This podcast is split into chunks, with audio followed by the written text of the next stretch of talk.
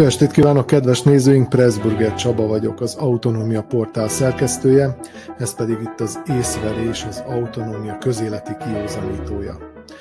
Mai műsorunkban a vajdasági magyar kisebbség kisebbségi önkormányzatát fogjuk értékelni, annak munkáját, tehát a Magyar Nemzeti Tanács elmúlt négy évéről lesz szó. Azonban mielőtt rátérnénk a műsorunk témájára, szeretném ismételten megkérni önöket, hogy amennyiben megtehetik, akkor támogassák a műsorunkat, a műsorunk elkészítését lényegében három módon tudják támogatni. Az Autonómia portál munkáját a donations.ndmv.org címen, vagy az észverés csapatát közvetlenül a Patreon alkalmazáson keresztül, amely telefonra is letölthető alkalmazás, és itt akár kisebb összegű havi rendszerességű támogatást is utalhatnak számunkra, ami a legjobb megoldás a mi szempontunkból, hiszen így tudjuk tervezni előre a műsorainkat. A harmadik lehetőség az pedig a PayPal-on keresztül is tudnak utalni a paypal.me per észverés címre. És természetesen itt az elején is megkérem önöket, amennyiben most a YouTube csatornánkon nézik ezt a műsort, akkor egy kattintással föl is iratkozhatnak erre a csatornára, hogy minden héten értesítést kapjanak arról, hogy új műsorunk indul kedden este 8-kor. Akkor bele is vágunk a mai témánkba. Nemzeti tanácsi választásokat tartanak november 13-án Szerbiában és a négy évvel ezelőtt megválasztott szerbiai magyar kisebbségi önkormányzat mandátuma nem sokára lejár, úgyhogy úgy éreztük, hogy itt az alkalom, hogy értékeljük a Hajnal Jenő vezette testület munkáját. Ez volt a harmadik közvetlenül megválasztott Magyar Nemzeti Tanács, és a második olyan, amelyet Hajnal Jenő elnöki neve fémjelzett. Arról fogunk beszélgetni, hogy vajon mi az, amit tett ez alatt a négy év alatt a Magyar Nemzeti Tanács, mi az, amit elmulasztott, mik voltak a sikerei, mik a fiaskói, és természetesen szólunk arról is, hogy mennyire volt a munkája transzparens, mennyire volt egyáltalán a nyilvánosság számára elérhető, és a költségvetés hasznosulásáról is beszélgetni fogunk. Itt vannak vendégeim, akikkel ezeket a témákat megvitatjuk. Köszöntöm a stúdióban Tőke János újságíró. Szervusz János! Üdvözlöm a hallgatókat és a nézőket, és titeket is. És Gyulai Zsolt, civil aktivistát. Szervusz Zsolt! Jó estét mindenkinek, szervusztok! Uh, vágjunk akkor bele, 32 ülést tartott ez alatt a négy év alatt a Magyar Nemzeti Tanács, és uh, hát nyilván, ahogy a nemzeti tanácsoknak a jogkörükből, jogköreikből adódóan a munkának a túlnyomó többségét olyan administratív tevékenység tette ki, legalábbis a, látható, az ülésen is látható tevékenységét, mint különböző tankönyvek jóváhagyása, különféle iskolák, iskolaszékeiben tagok delegálása, igazgatói kinevezéseknek a véleményezése, jóváhagyása, különböző pénzügyi munkaterveknek a, a, az elfogadása. De ennél sokkal fontosabb munkát is végzett a Magyar Nemzeti Tanács, konkrétan azokban az intézményekben, amelyek az alapítása alá tartoznak. És kétség nem férhet hozzá, hogy az oktatás volt az a terület, amely, amely a leginkább fontos a Magyar Nemzeti Tanács szempontjából, és ezen a területen figy- volt megfigyelhető ebben a négy évben is a legintenzívebb tevékenység. Folytatódtak azok a, azok a programok, azok az oktatásfejlesztési tehetséggondozó programok, amelyek már a korábbi években elindultak, ami mondjuk ebben, a, ebben a az időszakban kiemelhető, vagy mm, szerintem a fontosabb dolgok közé tartozik, az egyfelől a jogász ösztöndi létrehozása volt 2021-ben, valamint a Vajdasági Birkózó Akadémiának a megépítése, amely részben a Magyar Nemzeti Tanács alapításában, vagy közvetett alapításában jött létre. Én átadom a szót, úgy beszéltük meg, hogy területenként haladunk, és én fölvetek néhány témakört, illetve néhány fontosabb momentumot az adott területen, ami történt, és akkor értékeljük közösen ezeket a, ezeket a témaköröket, illetve magukat, ezeket a területeket, úgyhogy akkor kezdje talán János.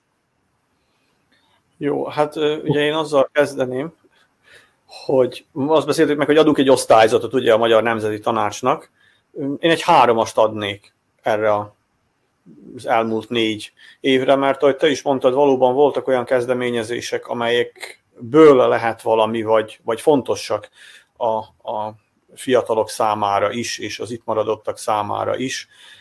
Én ezzel alatt értem azt, hogy folytatni kell ugye azt, a, azt az ösztöndíj sorozatot, amelyet a Magyar Nemzeti Tanács elindított, és ugye azok a fiatalok, akik elkezdik az egyetemet, és beírják a következő évüket, azokat a, azok az első, vagyis végig az egyetem alatt ösztöndíjasai lesznek a Magyar Nemzeti Tanácsnak. Ez hatalmas segítség a, a vajdasági magyarok szempontjából, ugye, és ugye ott, aki újvidékre megy, ott van az Európa Kollégium neki. Én azt hiszem, hogy ez egy olyan sarkalatos pontja az MNT-nek, amelyet mindenféleképpen érdemes kiemelni. Az összességében pedig azért mondtam ezt a háromast, mert én úgy látom, hogy az MNT sodródik az árral. Nincsenek célok, nincsenek célkitűzések.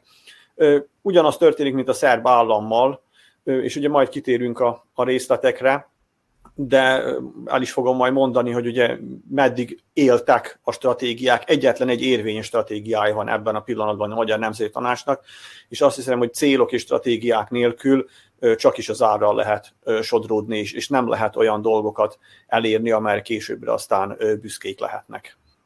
Köszönöm János, hogy figyelmeztettél rá, hogy úgy akartam kezdeni a műsort, csak ezt átugrottuk ezt a programpontot, hogy egy ilyen populista módszerrel in medias res kezdünk, és hát így nagyon szigorúan leosztályozzuk ezt a munkát, és csak utána térünk ki a részletekre majd, úgyhogy akkor Zsolt első körben téged is arra kérlek, hogy mondj egy ilyen osztályzatot egytől ötig. Hát szerintem is a közepes a, a, a, az egy valós, tehát egy háromast adnék én is az elmúlt négy év munkájára. És hát tényleg az oktatás az a terület, ahol, ahol mondjuk tényleg a legtöbb eredményt érték el, illetve legjobban figyelnek oda, hogy mi történik a vajdasági magyar közösség diákjaival, óvodásaival viszont rengeteg olyan, olyan dolog van, ami, ami, ami problémás. Oké, okay, a négy év alatt két év az úgy telt el, hogy Covid volt, de valóban nem született meg sem a tájékoztatási, sem pedig a kulturális stratégia, ami, ami igen fontos lenne vajdasági magyarság számára, egy irányadó, irányadó lenne az MNT számára az átláthatóság problematikája az, az de ezt majd, majd kitérünk erre későbbiekben, de az egy sarkalatos pontja annak, a, annak az osztályzatnak, tehát hogy, hogy közepes eredmény. Üm, igazából üm, voltak olyan, olyan rossz döntések is, amik, amik mondjuk bélyeget nyomtak az MNT munkájára, ilyen talán a Tanya Színházzal történt tehát a tavalyi évi esemény, amikor is betiltotta a Magyar Nemzeti Tanács Hajnal Jenő egy a Tanya Színháznak egy éppen készülő darabját, ami szerintem igazából tényleg egy problémás, problémás történet volt. Úgyhogy a hármas az, az, az abszolút reális az elmúlt négy évvel kapcsolatosan. Egy dolgot kifelejtettem, amikor itt az oktatásnál soroltam azokat a legfontosabb témaköröket, vagy azokat a legfontosabb eseményeket, amelyek meghatározták ezt a négy évet. Ez pedig a 2021. augusztusában megnyílt Vackor magyar iskoláskor előtti nevelő és gyakorló intézmény. Tehát tulajdonképpen egy magyar tannyelvű vagy nyelvű óvoda nyílt Szabadkán, amelynek a Magyar Nemzeti Tanácsa az intézménynek az alapítója. Tehát mondjuk ezt a három dolgot tudnám kiemelni a jogász ösztöndíj létrehozását, mint újdonságot a többi ösztöndíj mellé, ugye van itt a Váradi kiválósági ösztöndíj, illetve a felsőoktatási ösztöndíj, az iskola busz program is folytatódott, és és ugye amit még mondtam, az a Vajdasági Birkózó Akadémia, ahol egy, egy alapítvány kötődik lényegében a Nemzeti Tanácshoz, és az az egyik társalapítója a Birkózó Akadémiának, amely Magyar Kanizsán kezdte meg a működését.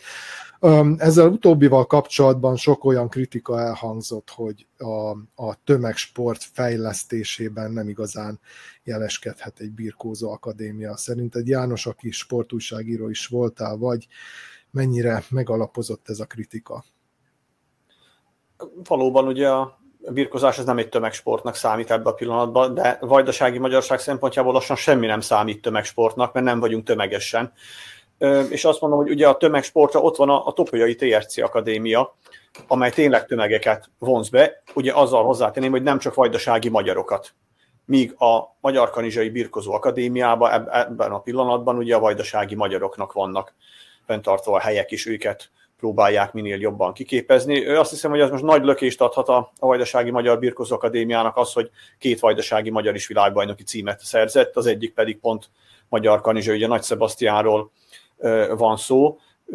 Kell ez a, az ilyenfajta löket mindenfé, mindegyik sportágnak, és különösen jó, hogy ott helyben van egy, egy világbajnok a, a például a birkozásnak. Úgyhogy ilyen szempontból én azt hiszem, hogy lehet erre alapozni, de itt is ugye konkrétan, amit a Zsolt említett, az átláthatóságot. Ki kell jönni előbb-utóbb a számokkal. Hányan járnak oda, hány birkozó került ki, országos bajnoki címek, hogy vannak, mire költötték el a pénzeket, hány edzőt tartanak fönn, és ugye tényleg hiányzik ez a transzparens dolog, mert ha ez nincs meg, akkor, akkor az emberekben mindig felmerül a kérdőjel, hogy akkor miért is van, van ez. Uh-huh. Hát annyit tudunk a transzparencia jegyében, hogy majd 3 millió euróba került ennek az akadémiának a felépítése, bár kérdéses, hogy ezt forintban utalták, akkor ez végül euróban mennyi volt.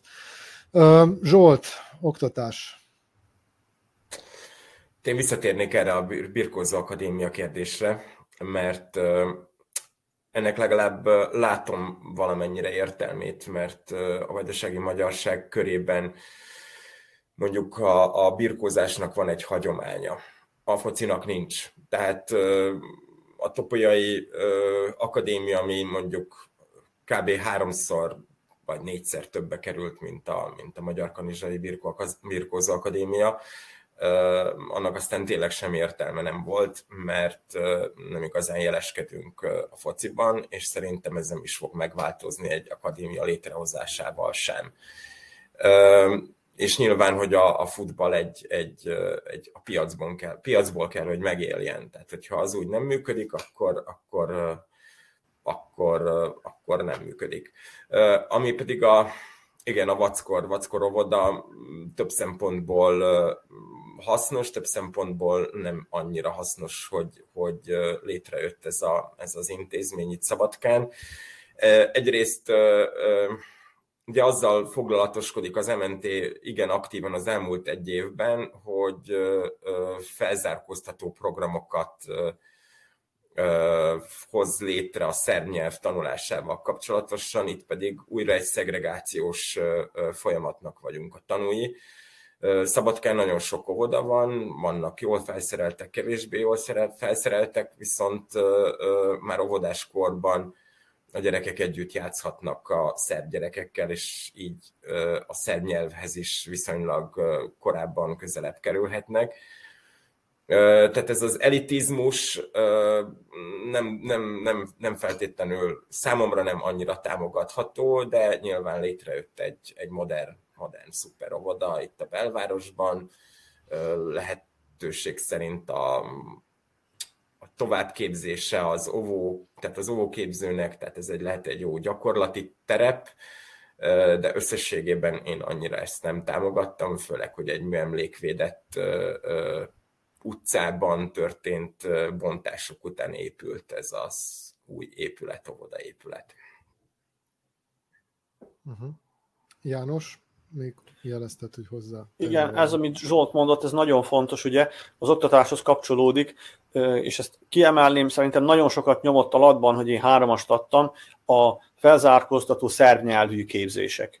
Ami információ visszaérkezett hozzám, azok mind arról szóltak, hogy ezek nagyon jó képzések, és akik részt vettek rajta, azok mind-mind úgy jöttek el onnan, hogy sokat kaptak, pluszt kaptak, újvidékre akarnak majd szeretnének iratkozni, nagyon fontos volt az, a, az az időszak, úgyhogy ez egy nagyon jól, nagyon pontosan és szerintem jól felépített program volt, és gondolom és remélem is, hogy ezt folytatni fogja a Magyar Nemzeti Tanács, és ugye ígértem azt, hogy mindegyik témakörnél majd megemlítjük, hogy hol tartunk éppen a célokkal. Hát oktatási stratégia ott tart, hogy 2020-ban lejárt. Nincs oktatási stratégia, ahogy nincs a ugye azt lehet mondani, és azt hiszem ezt a korábban a Hajnal Jenő elnök mondta is, hogy hát van a szerb államnak oktatási stratégiája. Igen, látjuk, hogy van, látjuk, hogy milyen, látjuk, hogy a gyerekek mit tudnak utána, amikor kikerülnek az iskolából. Fontos lett volna, hogy, hogy a, a vajdasági magyaroknak legyen egy saját oktatási stratégiája, és akkor lehetne menni egy, egy saját külön, mondhatom így, hogy jobb úton, mint ahogy a szerb oktatást ma amerre tart. Valamikor 2019-ben, hanem nem tévedek, akkor mondta Hajnal Jenő, hogy a stratégiákkal megvárják az országos stratégiák kidolgozását. Tehát mondjuk itt a média stratégia azóta bőven megszületett, úgyhogy ott már igazán rá lehetne erősíteni, hogy az is megszülessen. Szerintem akkor térjünk is át a média, média kérdésére, amihez lehet, hogy talán a, a leginkább értünk, vagy amire a legnagyobb rálátásunk van. Hát itt, ami mm, megemlíthető jelentős tényező, az a mm, magyar szóújvidéki és szabadkai szerkesztőségének a felújítása, ami 2019, illetve 2020-ban történt, de 2019-ben jelezték előre, hogy ez, ez megtörténik. És ami még érdekes volt, és amire tulajdonképpen nem tudom, hogy, hogy sor került-e, mert ilyen, ilyen információk egészen konkrétan nem jutottak el hozzám. Lehet, hogy ez, ez egy lassabb folyamat és nem annyira látványos, de minden esetre 2019-re vonatkozóan az MNT elnöke azt emelte ki, hogy a vajdasági magyar regionális és helyi médiumok egységes hálózatának kialakítása a cél, és hogy ennek megvalósítására vonatkozó tevékenység folyik. Hát most ugye ebből mi lett, ezt már nagyon régóta emlegetik egyébként, már ugye akkor kezdték, amikor, amikor ezek a médiumok kezdtek megszünedezni, a, a, a lokális médiumokra gondolok, amelyek magyar nyelven is sugároztak műsorokat. De hát lényegében ez a két dolog az, ami, ami említésre méltó ezen a területen. János, hogy látod a média területét az MNT kapcsán? Igen, ugye akkor kezdjük, hogy az, a tájékoztatási stratégia 2016-ban járt le, azóta nincs új. Szóba se kerül, hogy esetleg lenne új. Ez, amit te mondasz, hogy összekapcsolni ugye a, egy tudósító hálózatot, ez, ez először, ha jól emlékszem, 2007-ben vagy 2008-ban fogalmazódott meg. Volt egy pár megbeszélés, az elvtársak jókat ebédeltek, megbeszélték, hogy majd igen, történik valami, és nem történt semmi ilyen formában. Én tagja voltam a tájékoztatási bizottságnak, és el kell mondanom, hogy a háromashoz az is hozzájárult, hogy nagyon jó hangulatú üléseket tartottunk, amikor nem elektronikusan kellett tartani ezeket az üléseket, ugye a koronavírus miatt.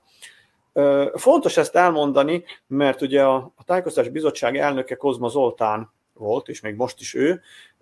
Ugye itt az MNT-nek a feladata az, hogy véleményezze a beérkező pályázatokat, és ajánlja esetleg a tartománynak és a köztársasági illetékes minisztériumnak vagy titkárságnak, hogy melyek azokat, amelyeket támogatásra javasolja. Ugye nem döntést hoz az MNT, csak javasol, amit a tartomány legtöbbször mondhatom azt, hogy olyan 100%-ban, 90%-ban el is fogad, a köztársaságnál egész más az arány, ott ilyen a megvalósulás, amit az MNT ajánl, annak ilyen 30-40 százalékát szokták elfogadni. Ugye úgy néztek ki ezek az ülések, hogy az elnök mindig megérkezett egy javaslattal, hogy ő, ő mit ajánl.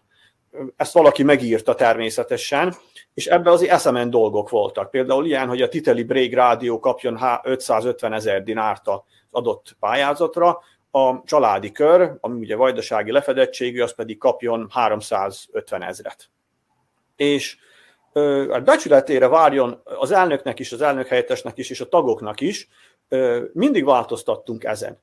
És sosem az a, sosem úgy fogadtuk el, ahogy eredetileg volt, és a kollégák is, ugye én mindig elmondtam a, a tényeket, hogy miért nem kaphat a titeli rádió sokkal többet, mint a családi kör. Hát persze, ugye most tudjuk a hátteret, hogy miért lenne jó, ha a családi kör kevesebbet kapna, mert nem a hatalom szekerét tolja, de a kollégák is ilyenkor azt mondták, hogy igen, azért tényleg nem korrekt, hogy a titeli, rádió 550 ezer, a családi kör 350 ezer, és akkor innen-onnan lefaragták a, a többiektől az ajánlatba, és odatták a, a családi körnek ugye ez egy javaslat volt, a, a tartomány, és a tartomány igen, de a köztársaság nem fogadta el, például az autonómiát tudom említeni, az autonómiát sose nem, tá, nem ajánlotta az észverés műsort a, a Magyar Nemzeti Tanács Tájékoztási Bizottsága a köztársaságnak, hogy támogassa, ezzel ellentétben azt hiszem, hogy két évben is sorozatban mind a kétszer a köztársasági pályázaton az autonómia pályázata nyert a, a magyar nyelvű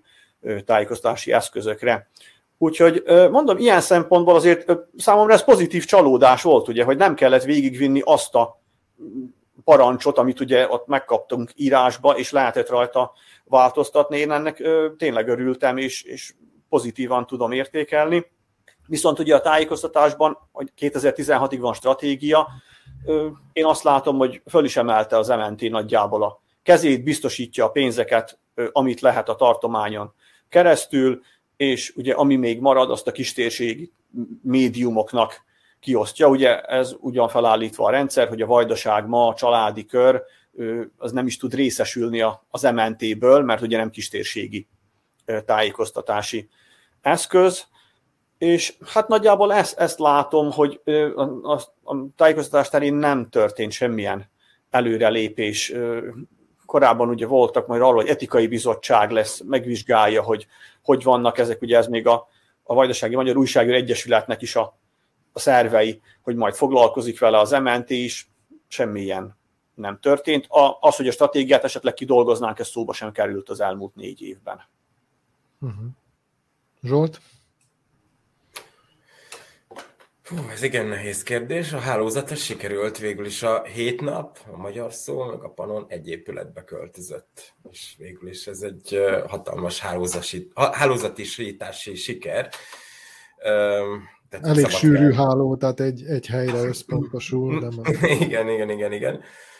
Uh, hú, én már egyre kevesebbet uh, követem ezeket a sajtóorgánumokat, ami az MNT alapítása alatt van, illetve amit ők igazából vezényelnek itt le, mivel hogy totálisan egyszólamú. Tehát, hogy amit az elmúlt négy évben igazából a magyar szóból, vagy a hét napból, vagy a panonból kapjuk, az igazából nagyjából mindig, mindig ugyanaz. Tehát az információk nagyon-nagyon szűröttek, unalmasak, magyar szó leírja, hét nap kiszínezi, a panon elmondja, de mindig ugyanazt. Tehát igazából lekövetik, hogy mi történik a VMS-szel, mi történik a magyar kormányjal, illetve hányan szöktek át a határon azon a héten, amit már mint gondolok a menekültekre. Tehát ezen, ezen rugózunk igazából hosszú ideje, ez a fő, fő, fő csapás. És ha a tájékoztatási területet nézem, akkor egy óriási egyest tudnék adni az MNT elmúlt négy éves munkájára, illetve az MNT által mhm. alapított, vagy alapítói jogkörökkel rendelkező sajtóorgánumokkal, és nagyjából ennyi. Én csak egyetlen mondatot idéznék, hát hosszú mondat és elég nyakatekert, de benne szerepel a vitázó és a diskurzív szó, ami azért úgy megragadja az ember figyelmét, hogyha a Magyar Nemzeti Tanács elnöke a tájékoztatással kapcsolatban ilyen szavakat egyáltalán kiejt a száján, és aztán valahol a vége felé valami olyat mond, hogy támogatja. Megpróbálják, megpróbálhatják önök is értelmezni ezt a mondatot, így szól. Ez 2021. decemberében közölte. A vajdasági magyar nyelvközösségben élő nyílt, vitázó, diskurzív rend jogi és politikai alapfeltételeinek a megteremtésével számos olyan a kisebbségi tájékoztatással, a regionális és a helyi média jövőjével kapcsolatos probléma merült fel, amelyeket, amelyek megoldását az MNT abban látta, hogy az egységes magyar médiahálózat kialakítását támogatja. Ha jól értelmezem, akkor itt az egységes médiahálózat lesz az orvosság arra, hogy ismét egy nyílt, vitázó és diskurzív rend jöjjön létre a vajdasági magyar közösségen belül, amit én abszolút támogatok. Lépjünk szerintem tovább, és nézzük meg a nyelvhasználat területén mi az, ami történt. Hát itt született meg az egyetlen terület, ahol megszületett a, ez alatt a négy év alatt a, a nyelvhasználati stratégia, pontosabban az MNT hivatalos nyelv és írás, írás használati stratégiája, amely 2024-től 26-ig terjed. Ez volt mondjuk egy említésre méltó a nyelvhasználat kérdésében. Ugyanakkor történtek különféle incidensek is, mondhatni már szokásos módon helységnévtáblákat rongáltak meg, az MNT több esetben tett feljelentést ezek ügyében, illetve ami még talán kiemelendő, hogy egyre több helyen jelenik meg egynyelvű útjelzőtábla, vagy, vagy egyéb felirat az utak mentén, és hát ezek kapcsán nem igazán látszik az MNT-nek a munkája, vagy, vagy a tiltakozása, legalábbis nyilvánosan nem találkoztam olyasmivel, hogy valaki felszólalt volna az MNT részéről, és azt mondta volna, hogy ez nincs rendjén, hogy Szabadkán, Szabadka környékén csak Cyril betűkkel és szerb trikolorral írják ki a város nevét hatalmas ilyen oszlopokon. Mit tennétek hozzá a nyelvhasználat ügyéhez? Most kezdjük Zsoltal. Um, hát igazából um, hát a jogunk megvan a nyelvhasználatra, és használjuk is. Um, egy csomó mindent végül is itt Szabadkán is magyar nyelven lehet uh,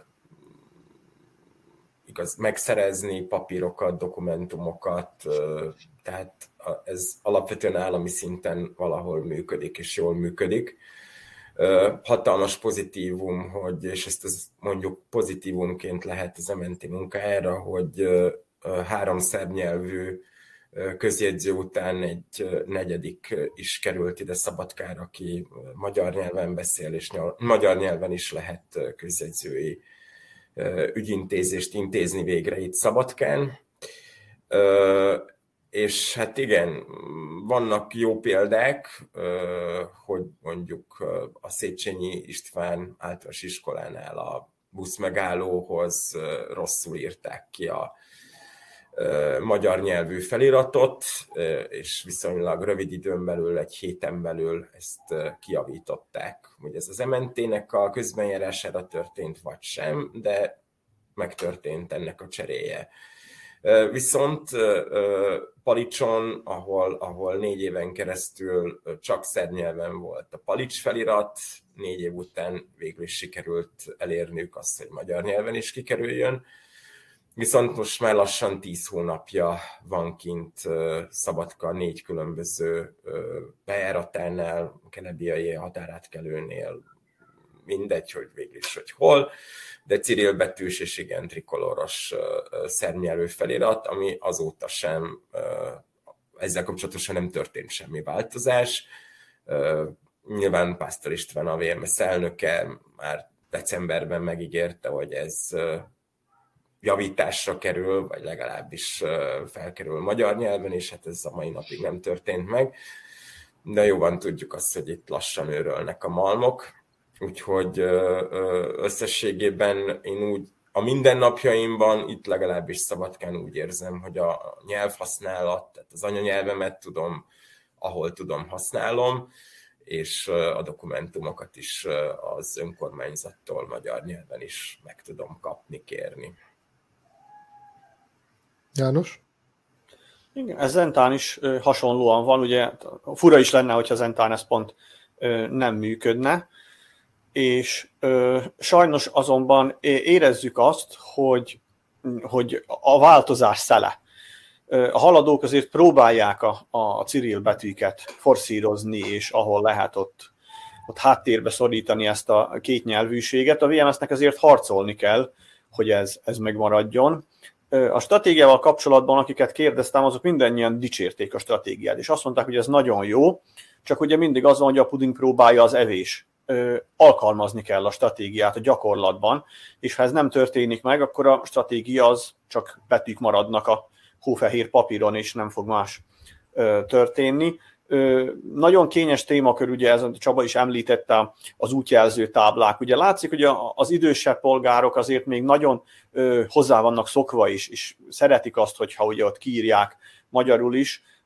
Én azt hiszem, akkor van nagy, nagyon nagy probléma, ha Cyril betűkkel van csak megjelölve, és nincs kiírva latinul, és ugye a másik pedig, amit Zsolt mondott, hát ez decemberben volt az, amikor Pásztor István megígérte, hogy Vucic elnöknél szóvá tette, hogy ez a szabadka felirat ezekkel a színekkel, Cyril betűkkel nem jó üzenet, és nem maradjon így. Ugye most szeptember 20-a van, itt valóban lassan őrölnek a, a malmok Szerbiában, de én azt hiszem, hogy azért itt egy kicsit gyorsabban is lehetett volna intézkedni, hogyha ennek lenne valami következménye. Én nem hiszem, hogy ezen szeretnének változtatni. Úgyhogy sajnos a nyelvhasználattal problémák lesznek időről időre, nem lesz ez, ez egyszerű, és ezért, ezért bizony harcolni kell, hogy, hogy maradjanak ezek a dolgok, amiket Zsolt is említett. Uh-huh. Jó, akkor térjünk rá a kultúrára. Itt ugye, ami, ami talán a legfontosabb, az a zsinagóga, a felújított zsinagóga megnyitása volt 2019 januárjában, és hát itt a, a kulturális célú felhasználást, ha jól tudom, akkor itt az MNT-re bízták az elkövetkező száz évben, de Zsolt kijavít, hogyha, hogyha egy picit jogilag... 99. 99, igen, bocsánat, már is jogilag nem teljesen pontosan fogalmaztam.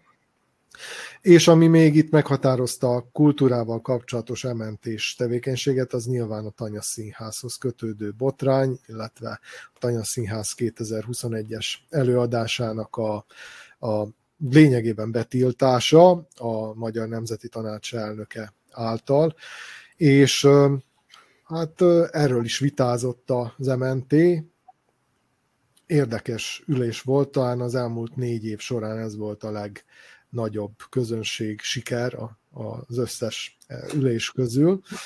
Hogyan értékelitek ti akár ezt a témát, akár mást a, a kultúra területén belül? Kezdje Zsolt akkor most is, hogy akkor kiegyenlítjük. Uh, igen, zsinagóga. Uh, ugye 99 évre kapta meg az MNT az épületnek a használati jogát, mivel a magyar kormány támogatásából sikerült végleg felújítani, tehát a belső teret felújítani.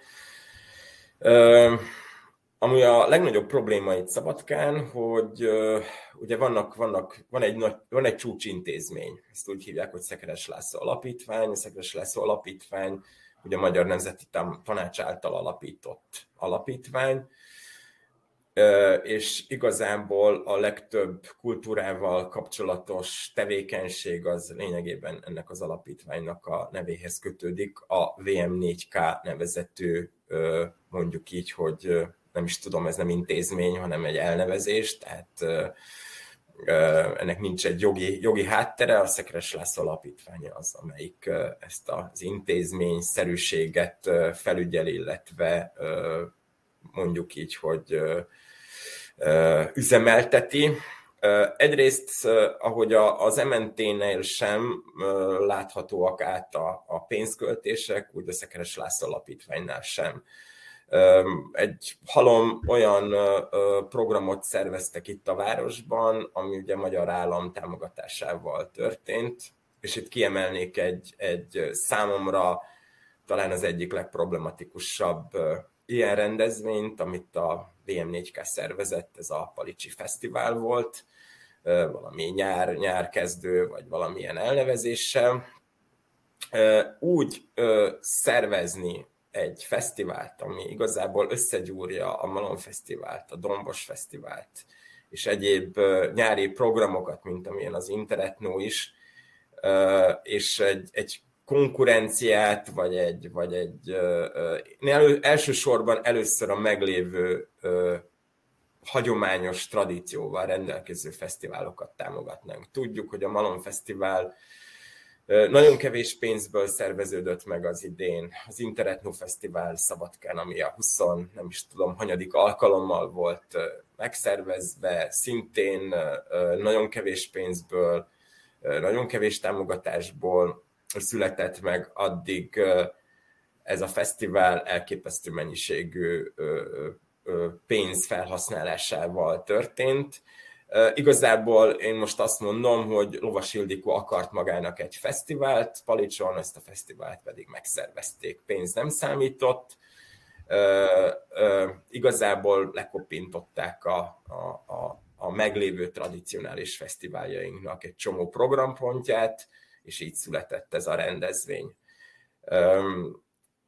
És ami, ami, ami tényleg, tényleg hatalmas nagy probléma, hogy itt ingatlanvásárlások történtek, a Szekres László Alapítvány több ingatlant vásárolt meg itt Szabadkán a városban. Egyiket sem tudjuk, hogy mennyi pénzből, mennyiért újították fel ezek a programok, hogyan vannak igazából finanszírozva, miből vannak finanszírozva, hogyha felmegy valaki a Szekres László Alapítványnak a weboldalára igazából semmilyen információt nem talál. Az egyetlen egy közérdekű információ valamikor még 2020-ból datálódik, amikor kiírtak egy közbeszerzést a Vackorovoda, mert hogy a Szekres László Alapítványhoz kötődik a Vackorovoda létrehozása is de annak sem látjuk, a, a, hogy ki nyerte meg, milyen feltételek mentén történt. Tehát ami az átláthatóságot illeti egy hatalmas nagy egyes a Magyar Nemzeti Tanács elmúlt négy évének működésére,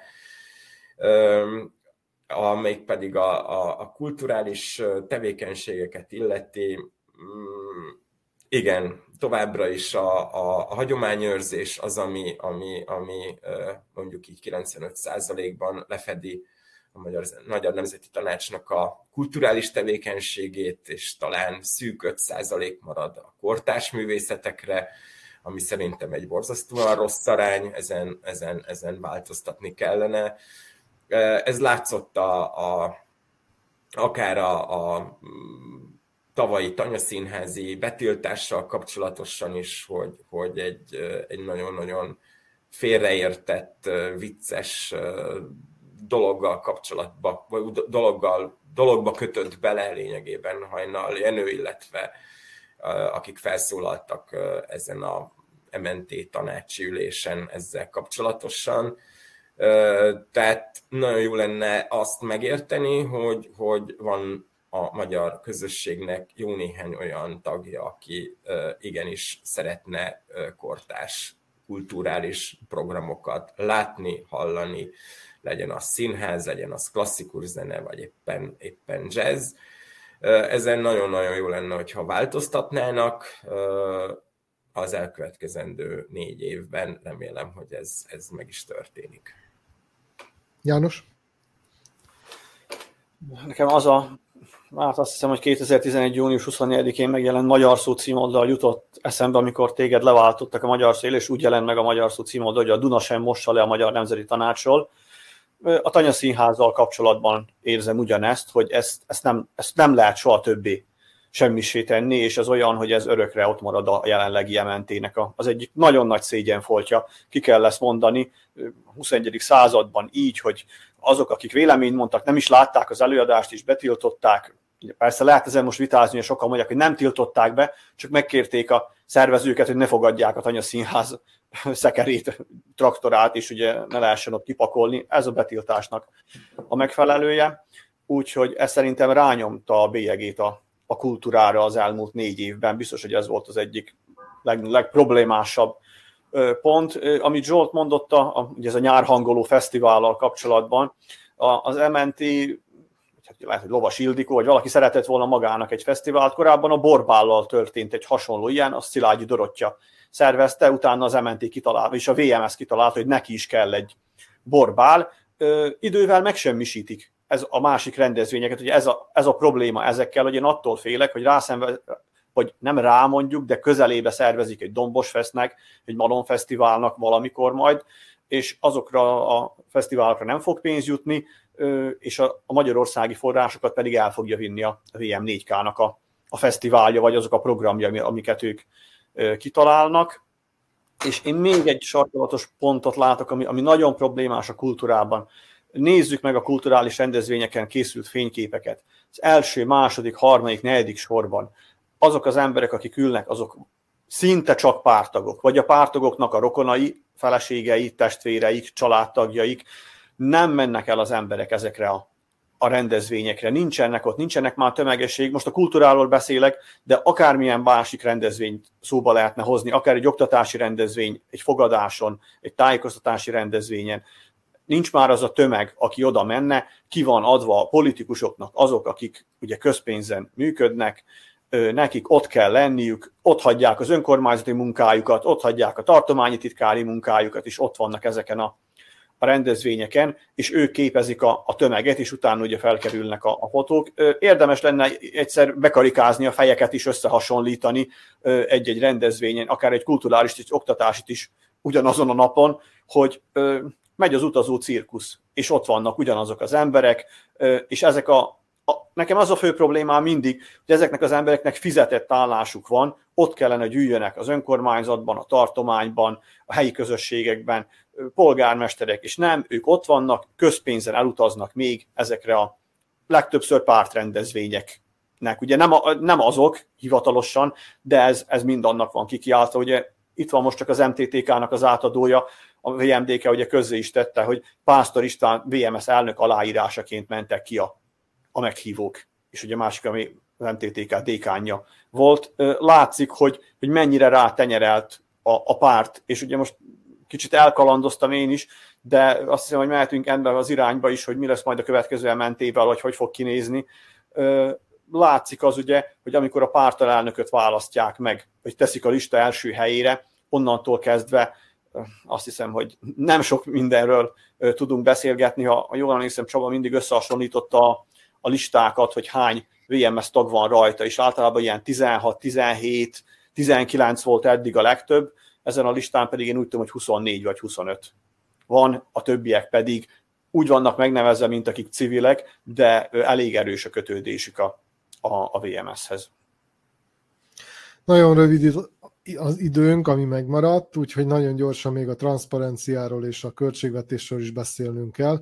Transzparenciával kapcsolatban annyit mondanék így előjáróban, hogy a 32 ülésnek közel az egy harmadát elektronikus ülést tette ki, habár ugye az elektronikus ülések megtartását akkor teszi lehetővé az MNT alapszabályzata, amikor, amikor ez, ez rendkívül indokolt. Hát nyilván a, a Covid alatt ez rendkívül indokolt lehetett, de aztán bőven rászokott erre az MNT és a Covid utáni időszakban, illetve ilyen uh, hullámvölgyes időszakokban is, Covid szempontjából hullámvölgyes időszakokban is igen sokszor tartottak elektronikus ülést, ami hát ugye nyilván sokkal kevésbé transzparens, hiszen a média nincs jelen, a közvetítés nem történik meg, kapunk egy sajtótájékoztatós anyagot, illetve utólag valamiféle jegyzőkönyvet, ami, ami megjelenik a honlapon, és ami nagyon sok esetben rendkívül hiányosnak mondható. Az egyik olyan kiskapu, amit, amit kihasznál az MNT, az az, hogy átruházhatja a döntéshozatal jogát egyes kérdésekben a végrehajtó bizottságára, ugye, amelyet az MNT-ből választanak ki, és amely sokkal szűkebb kört jelent. És lényegében ez a végrehajtó bizottság az, amely a döntéseknek a nem akarok százalékot mondani, de a jócskán a többségét meghozza, és a Magyar Nemzeti Tanács, amelyet közvetlenül választottak a polgárok, nagyjából csak láttamozza, és, és azt mondja, hogy rendben van. Tehát döntéseket hagy jóvá lényegében. Erre, erre, korlátozódik a, a, erre korlátozódik a kapacitása, és ez a jegyzőkönyvben azt jelenti egészen konkrétan, hogy sokszor az érdemi részét nem látjuk annak, hogy valójában mi az, amiről döntött a Magyar Nemzeti Tanács, mert ott csak annyi áll, hogy a végrehajtó bizottság döntését ö, jobbá hagyta. Pont. És hogy az pontosan mi volt, mi volt ott a vita egyáltalán, erről már, már nincsenek ilyen részletes adatok. No, de ezek, amiket én így megfigyeltem, illetve amit szerettem volna elmondani, ti mit mondanátok a transzparenciával kapcsolatban? János. Ugye szerintem nagyon fontos az, hogy az MNT nem készített elemzéseket, és amit mondtuk, hogy a stratégiák ugye lejártak. Nem tudjuk, hogy honnan és hová tartunk. Közvéleménykutatás is legutóbb Korhetsz Tamás idejében készült. Szerintem a 2010-es évek lehettek, 12 valahogy így. Ez is probléma. Szerintem ez azért van, mert az MNT nem akar szembesülni a problémákkal, nem akarja látni a, a hibákat, amiket esetleg elkövetett, és ha már ugye átláthatóságról beszélünk, és ö, akkor meg kell említeni, hogy a családi kör többször is kereste, kereste Hajnal Jenőt, hogy nyilatkozzon egy-egy témában, MNT választás előtt, iskola buszprogramban, VM4K-ban mondjuk akkor problémák adódtak a diplomahonosítással, amit az MNT szervezett, ugye ez a továbbképzés, a mentálhigiénás képzések, ha jól tudom. Mindig az volt, hogy az elnök úr nem kíván nyilatkozni Na most, hogyha ha minden rendben van, és tudjuk, hogy, hogy nincs probléma, akkor, akkor az emberek nyilatkoznak. Ö, és én remélem azt, hogy a jövőben ö, Fremond Árpád ezen változtatni fog. Szerintem nem, nem teheti meg azt egy magyar nemzeti tanács elnöke, hogy nem nyilatkozik újságíróknak olyan témába, amelyet a vajdasági magyarság nagyon nagy részét érint, és nagyon sok embernek fontos, itt maradás szempontjából is, és a, a, a jövő szempontjából is, legyen az akár oktatás, legyen az kultúra, legyen az tájékoztatás. De úgy gondolom, hogy, hogy nyilatkoznia kell, és bízok abban, hogy ezen a téren változás fog bekövetkezni. Ami az átláthatóságot illeti, például az is probléma, hogy te most itt a, a, a tanácsnak az üléseit említetted, és azokról a jegyzőkönyveket, ugye? De például én, aki a Magyar Nemzeti Tanács Tájékoztatási Bizottságának voltam a tagja, sokszor az elektronikus ülések után én sem tudtam, hogy mi történt. Elfogadtuk azt a javaslatot, nem fogadtuk el, tovább küldték, ki támogatta, ki nem. Én volt, hogy ellene szavaztam, ugye ezt korábban mondtam is, és meg is írtam a többieknek, hogy nem tudok egy olyan pályázatot támogatni, ahol Magyar Kanizsán egy szerb nyelvű, azt hiszem rádiót vagy támogattunk a Magyar Kanizsa önkormányzatnak a helyi tájékoztási pályázatban, és más magyar nyelvű tájékoztási eszközöknek pedig az MNT azt ajánlott, hogy nulla dinárt kapjanak és ugye ezt azt elfogadta a, az MNT is, de például én sem tudtam, hogy volt esetleg még, aki az én lefelem után azt mondta, hogy nem, akkor én tartózkodni fogok, vagy azért sem szavazok, mert elolvastam, vagy volt még egy valaki, aki ellene szavazott, ezek sosem derültek ki, még számomra se, aki tag voltam, ugye nem, hogy egy külsős számára, és szerintem ezen is változtatni kellene valamilyen szempontból, ugye ott tartunk, hogy minden elektronikusan elérhető, feltehető, lehet tárolni őket, Úgyhogy igen, ezen, ezen, ezen nagyon komolyan változtatni kell, mert amit ugye az elején mondtam is, hogy tényleg az történik, hogy sodródunk a, az árral, és, és azt érzem, hogy az MNT választásoknál is, ugye aki megszerezte a hatalmat, tartsunk ki ebbe a négy évbe, megvannak a biztos munkahelyek, a magyar állam jelentős pénzét biztosítja az MNT működésének, aztán meg majd lesz. Valahogy, amire van pénz, azt, azt kifizetjük, amire nincs, akkor ott vállat vonunk, és azt mondjuk, hogy erre nincs. Nagyon rossz példa, és nagyon rossz üzenet, ugye, hogy az MNT létrehozott egy játszóteret helyi közösségek választások előtt Óbecsén. A, azt hiszem, hogy a mai napig, legalábbis mikor utoljára beszéltem velük, nem volt meg az engedély. kivonult a teljes MNT, átadták nagy csinnadratta, mivel nem volt meg az engedély, nem engedték használni. És az egész nyáron úgy állt a, a játszótér, és akkor ebből is kérdeztük az elnököt, vagy a tanácsot, vagy a, a végrehajtó bizottságot, akkor vállat vontak, és nem, nem reagáltak erre. Uh-huh. Zsolt, mielőtt a transzparenciáról beszélnél, én csak röviden elmondom a költségvetéssel kapcsolatos uh, alapinformációkat, és akkor te pedig rögtön a kettőt akár egybe is vonva mm, kommentálhatod.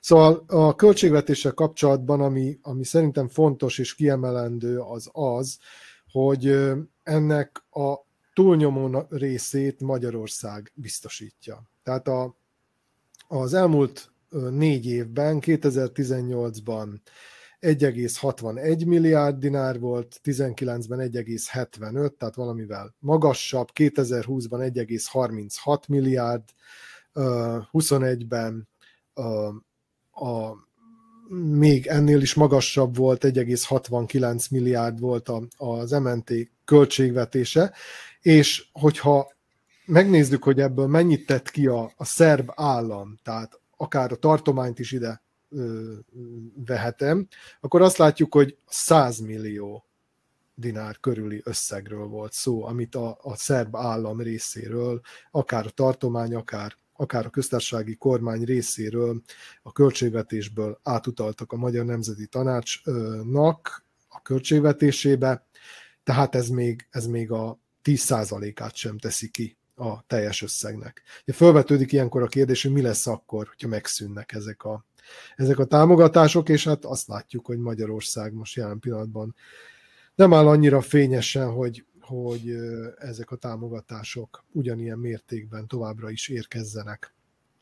De átadom a szót akkor Zsoltnak, transzparencira és költségvetés.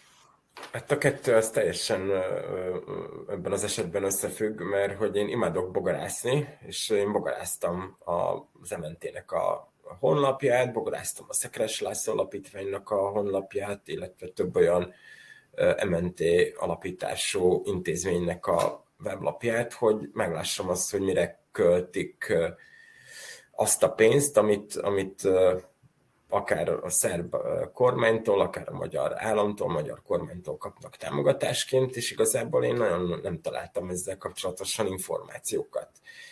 Pedig itt forint milliárdokról van szó éves szinten, ami, ami Magyarországról ideérkezik, az MNT számlájára, de nincs egy fül egyik weboldalon sem, hogy a pénzek felhasználása, vagy egy, vagy egy költségvetés, tehát hogy így a, a, a mindennapi ember, akit, akit egyáltalán érdekelne ez, az nem kap erről információt. Ugye a, a, az évvégi vagy évvelei ementés MNT elnök által tartott sajtótájékoztatón sem kerül ki a sajtó, sajtó irányába semmilyen információ, hogy oké, okay, tételesen, akkor nézzük, hogy, hogy mit költöttünk beiskoláztatási programra, szernyelvű felzárkóztatási ö, oktatásra, ö, mennyi pénzt égetett el a Szekres Lász Alapítvány VM4K nevezetű programra, programjaira, ez egy, ez egy hatalmas nagy gáz. Tehát mondjuk érdekelni a magyar adófizetőket is, akiknek a pénzéből tulajdonképpen habzsidőzsiznek éveken keresztül, vagy éveken keresztül habzsidőzsiztek, és semmi, semmi információ nincs. Gyakorlatilag vannak ezek a tanácsi döntési, vagy vannak határozatok, de azokban sincs tételesen feltüntetve, elérhetően azok az információk, hogy, hogy akkor most hány óra is van. Azt csak annyi, én... bocsánat, csak Zsolt, annyiban szakítanálak meg, tehát, hogy a, az ülésekhez kötődően tudni kell azt, hogy melyik ülésen fogadták el mondjuk a költségvetést, és hogy az ember pontosan tudja az ülésnek a számát, akkor ott a, a tanács döntései között Igen. az XY 32. ülésen például ezeket és ezeket a dokumentumokat fogadta el az MNT, és ez tulajdonképpen egy jegyzőkönyv, amely tartalmazza azokat a dokumentumokat, amelyeket az adott ülésen fogadtak el, de ez valóban hát egy olyan bogarászás és egy olyan szalmakazlakban keresendő tűnek számít lényegében. Egyébként a, a, a szerb jogban is úgy van, hogy egy, egy közhasznú szervezet, legyen az alapítvány, egyesület, vagy éppen nemzeti tanács, tehát az átláthatóság ott kell, hogy legyen, tehát hogy, hogy elérhetőek kellenek, hogy legyenek ezek az információk, hogy hogyan lettek felhasználva azok a pénzösszegek, amit akár bármelyik államtól is kapott az a, az a, az a szervezet. Ez szerintem a világban mindenhol úgy van, hogy, hogy az, e, az alapítványoknak kötelessége a, a támogatói irányában pontosan feltüntetni azt elérhetően, hogy hogy lettek azok az adományok felhasználva. És persze, hogyha most elkezdünk kekeckedni, és hogyha egy, mondjuk egy újságíró odafordul az MNT-hez, akkor nyilván nem fogják kiadni ezeket az információkat, mert hogy ez külföldről érkezett donáció, és akkor itt van a csavar a szerb törvényben, hogy nem köteles a donációkat, tehát a külföldről érkezett donációkat tételesen bemutatnia a, a mondjuk közérdekű adatigénylésen keresztül. Tehát, hogy itt vannak csavarok, és, de mondjuk azért érdekelne, hogy, hogy, hogy mire költötték el. Mire költötték el azt a pénzt, amit mondjuk a magyar szónak a voltak ott 500 millió forintos tételek 2020-ban, 2019-ben, vagy a, akár a Pannonia alapítvány, ami a Panon TV-t is üzemelteti lényegében, hogy, hogy az épület megvásárlása, felépítése, ez mennyibe került, vagy a Vackorovoda, vagy éppen a Magyar Tanítóképző Egyetem épületének, ami ugye aktuálisan most igen szép ünnepélyesen át lett adva nem olyan régen, hogy lássuk azt, hogy, hogy mire költötték el azt a pénzt, amit a magyar kormánytól kaptak az épület felújítására, ami kemény öt évig tartott. Uh-huh. János, költségvetés, van még két perced. Nagyjából csatlakozok Zsolthoz, ugye ezek, ez nagyon problémás dolgok hogy ezekről nem tudunk és nem értesülünk, és persze, amikor átadás van a vackornak, akkor ugye elmondják, hogy ennyibe került, ennyit fordítottunk rá, ennyi idő alatt készült el, de hogy ez a költségvetésnek hány százalékát teszi ki, hogy áll össze ez, mi mennyire, költ, mit mennyire költöttek, nem, nem tudom, tényleg ez ugye bogarászás lenne is, és azt hiszem, hogy ez így nagyon megfelel a, az MNT-nek, hogy ezeket így, így nagyon nehéz kiszedni, és, nem tudjuk, hogy mire mennyit költöttek. Hát azt gondolom, hogy ezt a kérdéskört még órákig elemezhettük volna, illetve arra már nem is jutott időnk, de hát lesz még alkalmunk az elkövetkező hetek, hónapok során, hogy egy picit kommentáljuk azt, hogy ez az egyetlen lista, amely úgy néz ki, hogy egyetlen is marad, és indulni fog a nemzeti tanácsi választáson, ez, ez mit vetít előre. Köszönöm, hogy itt voltatok, és remélem, hogy még akár ilyen összetételben találkozunk az elkövetkező hetekben, és kommentáljuk a, az MNT körüli eseményeket. Önöknek is köszönöm a figyelmet. Ez a műsor a Cseh Köztársaság Transitions című hivatalos programjának anyagi támogatásával jött még létre. Az elkövetkező műsorok közül még egy olyan lesz, amely ebből a támogatásból valósul meg. Az összes többit azt lényegében az önök által utalt pénzekből tudjuk kigazdálkodni. Ezúttal is arra kérem önöket, hogy a leírásban szereplő lehetőségek közül választva támogassák a műsorunkat, műsorunk elkészítését. Ezt a műsorunkat vissza is nézhetik a Facebookon, az Autonómia, a Maglocsisztács, a második nyilvánosság és a Szabad Magyar Szó Facebook oldalán, és az Autonómia portál YouTube csatornáján is megtalálható, itt élőben is közvetítjük, és amennyiben még nem tették meg, kérjük iratkozzanak fel a YouTube csatornánkra. A podcast verzió pedig szerdától lesz elérhető, tehát Spotify-on, Apple, Google Podcasts-on hallgathatják a műsorunkat hétről hétre. Jövő héten is jelentkezik az észverés, addig is a viszontlátásra, viszont hallásra.